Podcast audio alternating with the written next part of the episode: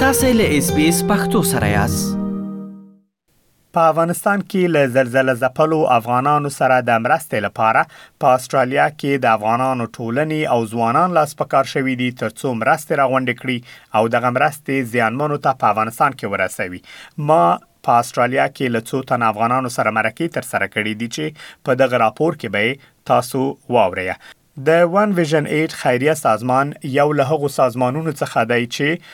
د افغان ځوانانو په مرسته یې له لس زره ډالرو څخه ډېرې پیسې راغونډې کړې دي دا چې دغه سازمان غواړي څومره مرستې له زلزله ځپلو سره د مرستو لپاره راغونډې کړي د همدغې موضوع په اړه غواړم له عزت الله علم سره مرکه ترسره کړم ښاغلی علم ډېره زیاته مننه چې اس بي اس پښتو راډیو ته مو د مرکې لپاره وخت راکړ. که په پیل کې مهرباني وکړئ زموږ له اورېدونکو سره د ون ویژن ایټ خیریه سازمان په اړه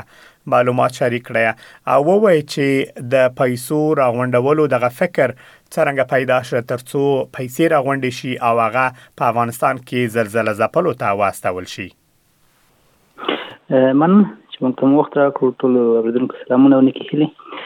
ون ویژنټ خو د افغان ځوانان دي چې دلته په وکټوریا کې اوسېږي د څو کاله کېږي چې دوی د خیریا کارونه کوي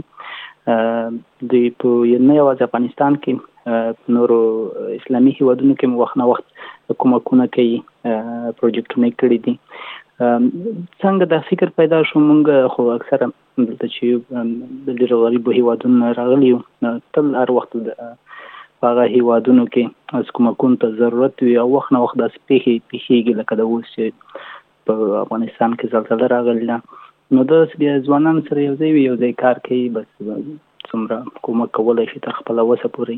هر وخت کومک کړی دی او کوي. ښاغلی علم صاحب تاسو په افغانستان کې له زلزله ځپلو سره د مرستو لپاره غواړئ څومره پیسې را غونډې کړئ ستاسو ټارګټ څومره ده؟ مونږ خو اول ټارګټ د ځان لپاره شل زره ډالر ټاکلی وو مونږ د هغه فنډ رایزینګ پرون نهه بجې شروع کړی دی او نن تر اوسه پورې تقریبا د تر دوولس زرو مونږ اوښتي یو نو یو خو دا رسمي ورځې وي اکثره خلک دومره وخت نه لري چې ځکه زمونږ کمپاین اکثره په سوشل میډیا باندې دی فیسبوک ټویټر باندې نو سبا زمونږ د خیر اخیری ورځ به یې سبا ماښه به بله ورځ وبخښئ د سنډې وي په ورځ باندې نو هغې پورې مونږ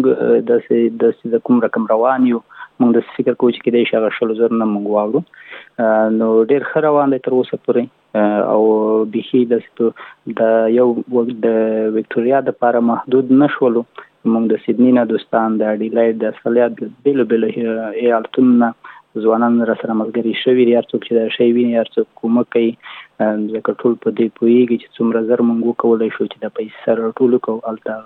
خلکو ته ورسو ځکه چې هغه خلک ډېر سخت مجبور دي او ډېر شیان ته ضرورت لري او د ښار نه ډېر په لرو پردو سیمو کې پراته دي نو زمونږ نهایي کوشش دا دی چې څومره زر دا پیسې راټولې کړو او دوم څومره زر وکولای شو چې ما خلکو ته ورته ورسو که چېرته دا پیسې شل زره یا هم پنځه ویشت زره هر څومره چې غونډې شي دا را غونډې شي بیا څرنګه غواړي دا پیسې ورسوي ځکه د دا پیسو انتقال او الته د مصرف او خلکو ته رسول هم یو سخت چاره ده دغه لپاره څه پروګرام لري اوس خو افغانستان کې بانکي سیستم د پخوا په شان نه دی نو که د بانک ته لارې موږ د پیسې ولېږو دا به تقریبا څو میاشتې ونیسي چې د پیسې راوځي هلته نو موږ بیا دې ځای نه د پیسې چې دلته رجسټر صرافیانې دي هغه په ترو یې لیګو نو هغه مثلا چې موږ ته پیسې ورکو په نیم ساعت کې کابل ته رسیږي بیا د کابل نه پکتیا پکتیا ته یو ساعت د یو نیم ساعت نیسي چې هلته ورسیږي او هلته موږ خلک لرو ځوانان چې هغوی سره په رابطه کې هم په خوست کې هم پکتیا او هم پکتیکا کې چې هغوی به بیا دا تر اوسه پورې موږ لا میټینګ د یک شنبه په ورځ موږ میټینګ لرو دلته چې دا پیسې موږ څنګه وکړو د خلکو ته موږ نغد ورکو که خوراکي مواد ورکو که څه ورکو چې کوم شی دوی ته ډیر ضرورت دی نو دا نهایی فیصله ملا نه کړی دا به د خیر یک شنبه په ورځ باندې کوو نو د خلکو الته د ځوانانو ملګرو سره په رابطه کې یو چې څنګه موږ دلته د فنډرایزینګ بند کړلو په هغه ورځ به دا پیسې د الته رسیږي د ساعت سم له اول نه تیار کړی تر یو حد پورې فکر په شوی دی خغل علم صاحب دغه د ون ویژن 8 ادارې تر چتر لاندې چې د پیسې راغونډيږي کچیرته په دې کې دغه د شل زرو هدف ته د ځوانان ورسیږي آیا دا سبل پروګرام هم شته چې څو اونۍ ورسته یا ورځ ورسته یو بل پروګرام هم بیا پیل شي تر څو یو څه نورې پیسې غونډې شي د راتلونکي لپاره هم پروګرامونه شته ون ویژن ایټ خو یو خیریه بنسټ دی چې وخت نه وخت چې کله داسې پېښې رامنځته شي کله داسې دوی فکر وکړي چې یاره ضرورت دی دوی بیا داسې دا پروجیکټونه دغه په مخ وړي دا اوس کوم پروګرام چې روان دی په دې کې خو ون ویژن ایټ دی ون ویژن ایډ موږ د دې لپاره د اکاونټ د غوښ د کزنی خلک چې دلته تجارت تجار لري یا بل بزنس ولري دا پیسې چې ورکه غا ټیکس ډیډکټیبل شي نو دوی ډیر کارونه کړی دي ډیر ښه کارونه کوي دوی پروګرامونه دا چې اوس په دې د اوس کوم پروګرام چې روان ده کې ټول افغانان داخل دي ون ویژن ایډ دی د کمیونټي نور مشران ځوانان هر څوک تر خپل وسه په دې کې منډه کوي او د دغه ون ویژن ایډ چې دی د دې د پلیټفارم مخته کړی دی د سده د ټولو کار دی او ډیر زیات مننه ښاغلی علم صاحب من مننه ډیره مننه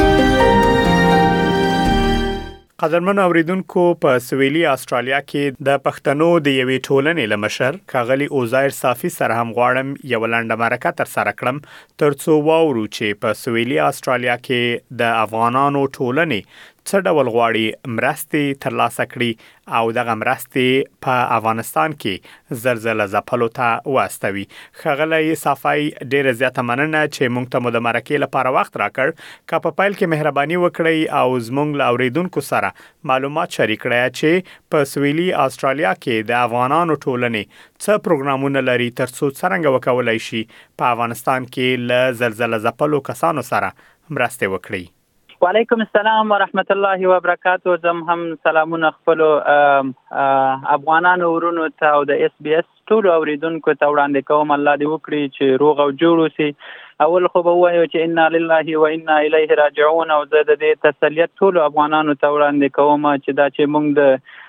افغانستان نه لري او په هر بده پیښه باندې مونږ ډیر غمجن کیږو ځکه چې هلته مو خاپوړي کړی دي هلته درسونه لوستي دي او خپل ګران وطن مو دی او ګران وطنوال مو راته هر وخت هر لحظه یادېږي نو کله چې خبر شلو د دغه غمجنې پیښې نه نو سم د لاسه د ملګرو میسجونه هم راغله چې باید یو اقدام وشي نو په هغه په دغه صورت کې مونږ خپل وړاندیز مونږ یو شورا اوس لرو په ساوت استرالیا کې چې د ټولو کمیونټیانو غړي او ځنې مشران مونږ سره وجود لري په دې کې نو هغه تم دغه پیشنهاد وړاندې کو او ټول سره تیر شپه راغون شول او جلسه مدایر کړه چې د جلسې په ترڅ کې مو یو څلور پنځه لارې سره په هغې باندې سره هغه وکړله مشوره وکړله چې یو به د ساوت استرالیا د خار په جماعتونو کې د خیر الته لاړ شو الته به ډونیشن او د اتپاس ماشينونه او بکسونه د ډونیشن لپاره ځان سره واخلو چې اوس زه همدا حال د الخلیل مسجد نه تاسو سره په تماس کې او دلته موږ د جمعې ورځ ده او خلک راځي او د هغې سره بدل ته د د ډونیشن غوښتنه کوو دویم لار چې دا هغه به د یو عمومي غونډه او د فاتحګری وی چې په هغه کې به د ساوت استرالیا دغه مسلمانان یو که غیر مسلمان وي څوک چې مونږ دلته پیژنو او هغه به راغواړو او هلته به یو ډونیشن او هغه غونډو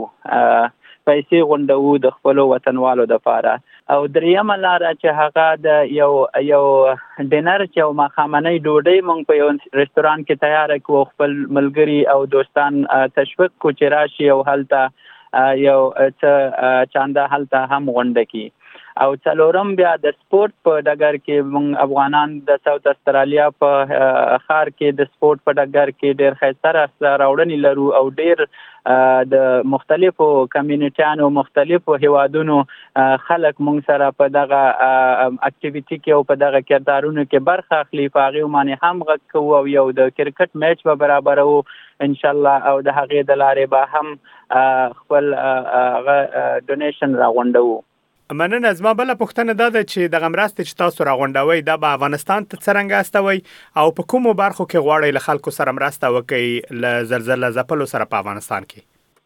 دا چې زمونږ یو د شورا غړی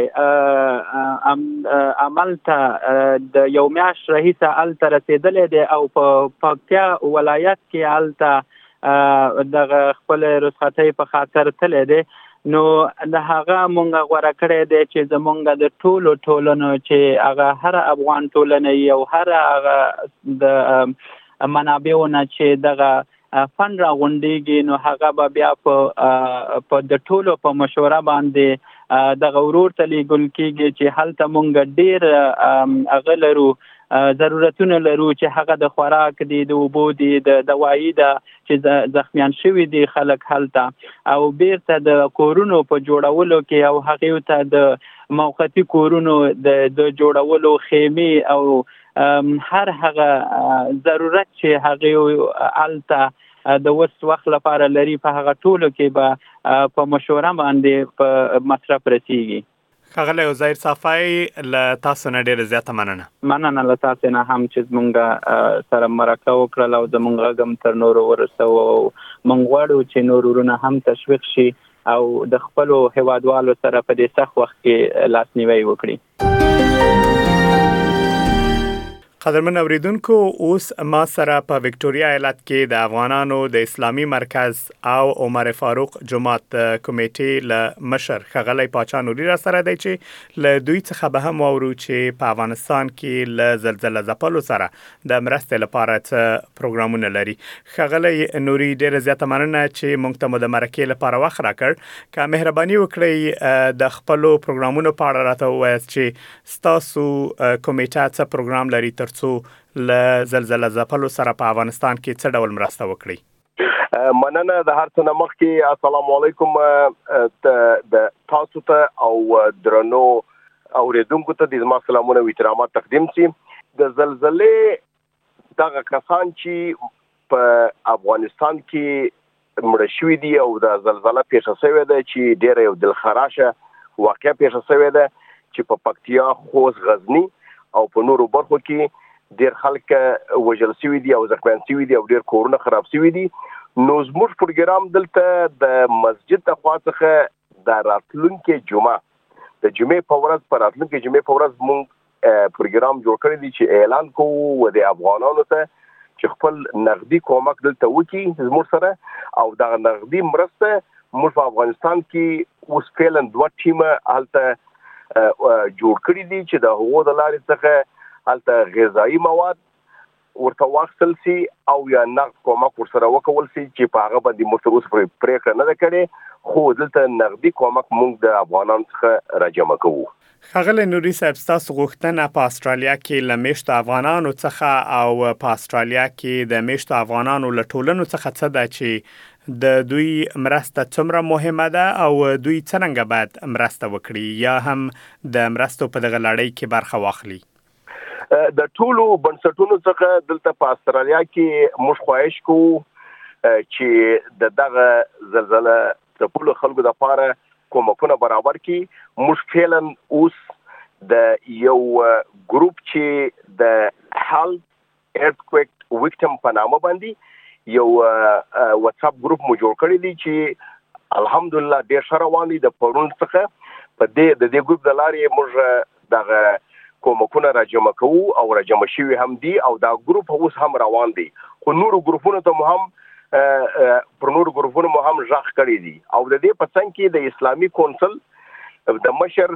چې معاهدین نومیږي د هغه سره ما خبرې وکړلې چې هغه چې دی هغه د بنگلاديش دی د هغه سره مې خبره وکړله چې په نورو جماعتونو کې په وکټوريا کې هم دغه کم کار چې موږ غواړو چې د راتلونکي جمعه په خپل جماعت کې وکړو د افغانانو په جماعت کې د هغه څه مغوښتنه وکړل په نورو جماعتونو کې هم د دغه زلزلې څپلو لپاره